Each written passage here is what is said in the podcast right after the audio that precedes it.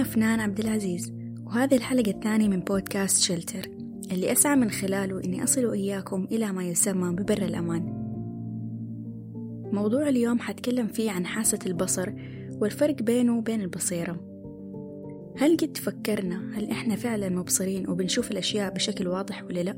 وهل حاسة البصر وحدها كافية لرؤية الحقائق؟ طبعا كلنا حنقول أيوة نظرنا ستة على ستة وبنشوف إيش المقصد خلينا ناخدها واحدة واحدة. البصر هو مجرد حاسة أو أداة لتصوير الأشياء. بنشوف هذا أحمر هذا أسود هذا دائري وهذا مربع.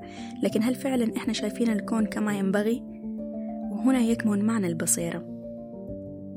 البصر يري الماديات أما البصيرة فتري المعنويات. البصر يرينا ظاهر الأشياء والبصيرة ترينا حقائق الأشياء. البصيرة تخلي الإنسان يفكر فيما يرى وما يسمع وما ينظر إليه عشان يكون على بينة ووضوح من الحقيقة والتي تختفي وراء الأفعال والكلمات والمواقف اللي بتدور حولنا. وتخليه يطلع إلى ما هو أبعد من مجرد صورة يراها والتي قد تخفى على الكثير من الناس. أباكم تتذكروا متى آخر مرة جاء شخص وتحاور معاكم وبالكم ما كان حاضر وكان الحوار سطحي جدا مجرد استخدام للحواس. بعد فترة لو جاء هذا الشخص وتكلم معاكم وذكركم بذاك الموقف ما راح تتذكروا إيش التفاصيل اللي قالها ببساطة لأنه قلبكم ما كان حاضر في ذيك اللحظة. بعد ما تعرفنا على تعريف البصيرة خليني أقول لكم أهم العوامل لتنمية هذه الميزة. أولا ممارسة التأمل. خذوا لحظة من يومكم تسووا فيها لا شيء فقط هدوء وتنفس منتظم واستشعار للنعم من حولنا في هذا الكون. ثانيا التفكر والتعقل في رؤية الأشياء من دون التأثر بالانفعالات الخارجية.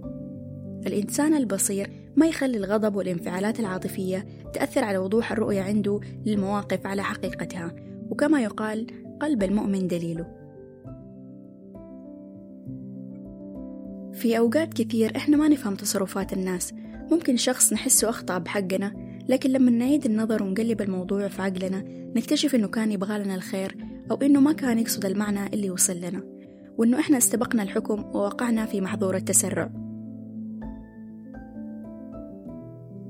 ولو تلاحظوا إذا تركنا عواطفنا تتحكم فينا رح نندم بعد الموقف على طول. كمثال لو أنت اليوم صحيت ولقيت نفسك مالك خلق لهذه الحياة وعندك طاقة سلبية وقابلت شخص وفرغت هذه الطاقة السلبية فيه راح تندم على طول إنك أنت أسأت لشخص ما كان له ذنب أبدا باللي أنت قاعد تمر فيه أو تحس فيه اليوم. وهذا مثال بسيط لأنه إحنا ما نخلي عواطفنا هي اللي تتحكم فينا فيه خلال يومنا.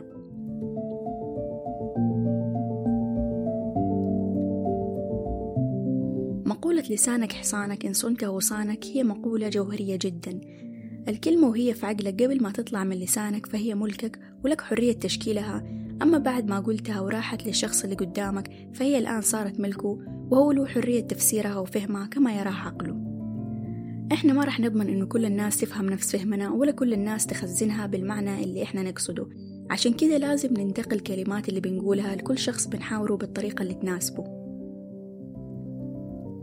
الإنسان اللي عنده بصيرة في هذه الحالة راح يكون نبيه جدا أكثر من غيره ويلقطها وهي طايرة كده بالعامي. يعرف بالضبط كيف يتحاور مع كل شخص على حدة. صحيح إنه هذه طبيعة الإنسان وممكن للوهلة الأولى تكون عواطفنا هي سيدة الموقف لكن مع التعود وتهذيب النفس راح نوصل لمرحلة جيدة في الفصل بين الأمور وراح نلاقي نفسنا مع الوقت عندنا سلام داخلي وهدوء يخلينا دائما مركزين وصافين الذهن وبنفهم الأشياء كما ينبغي. ولو أمعنا النظر راح نستنتج أن الوجود في هذه الحالة من الهدوء والسلام هو الحال وشكل من أشكال الأمان الروحي والنفسي.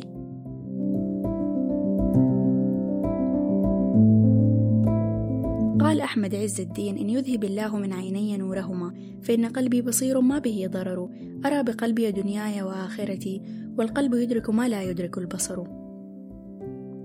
لا تتجاهلوا دقة القلب أو القرصة اللي تحسوا فيها في بعض المواقف.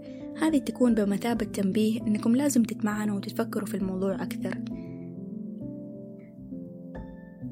شكرا لاستماعكم. هذه كانت الحلقة الثانية من بودكاست شلتر.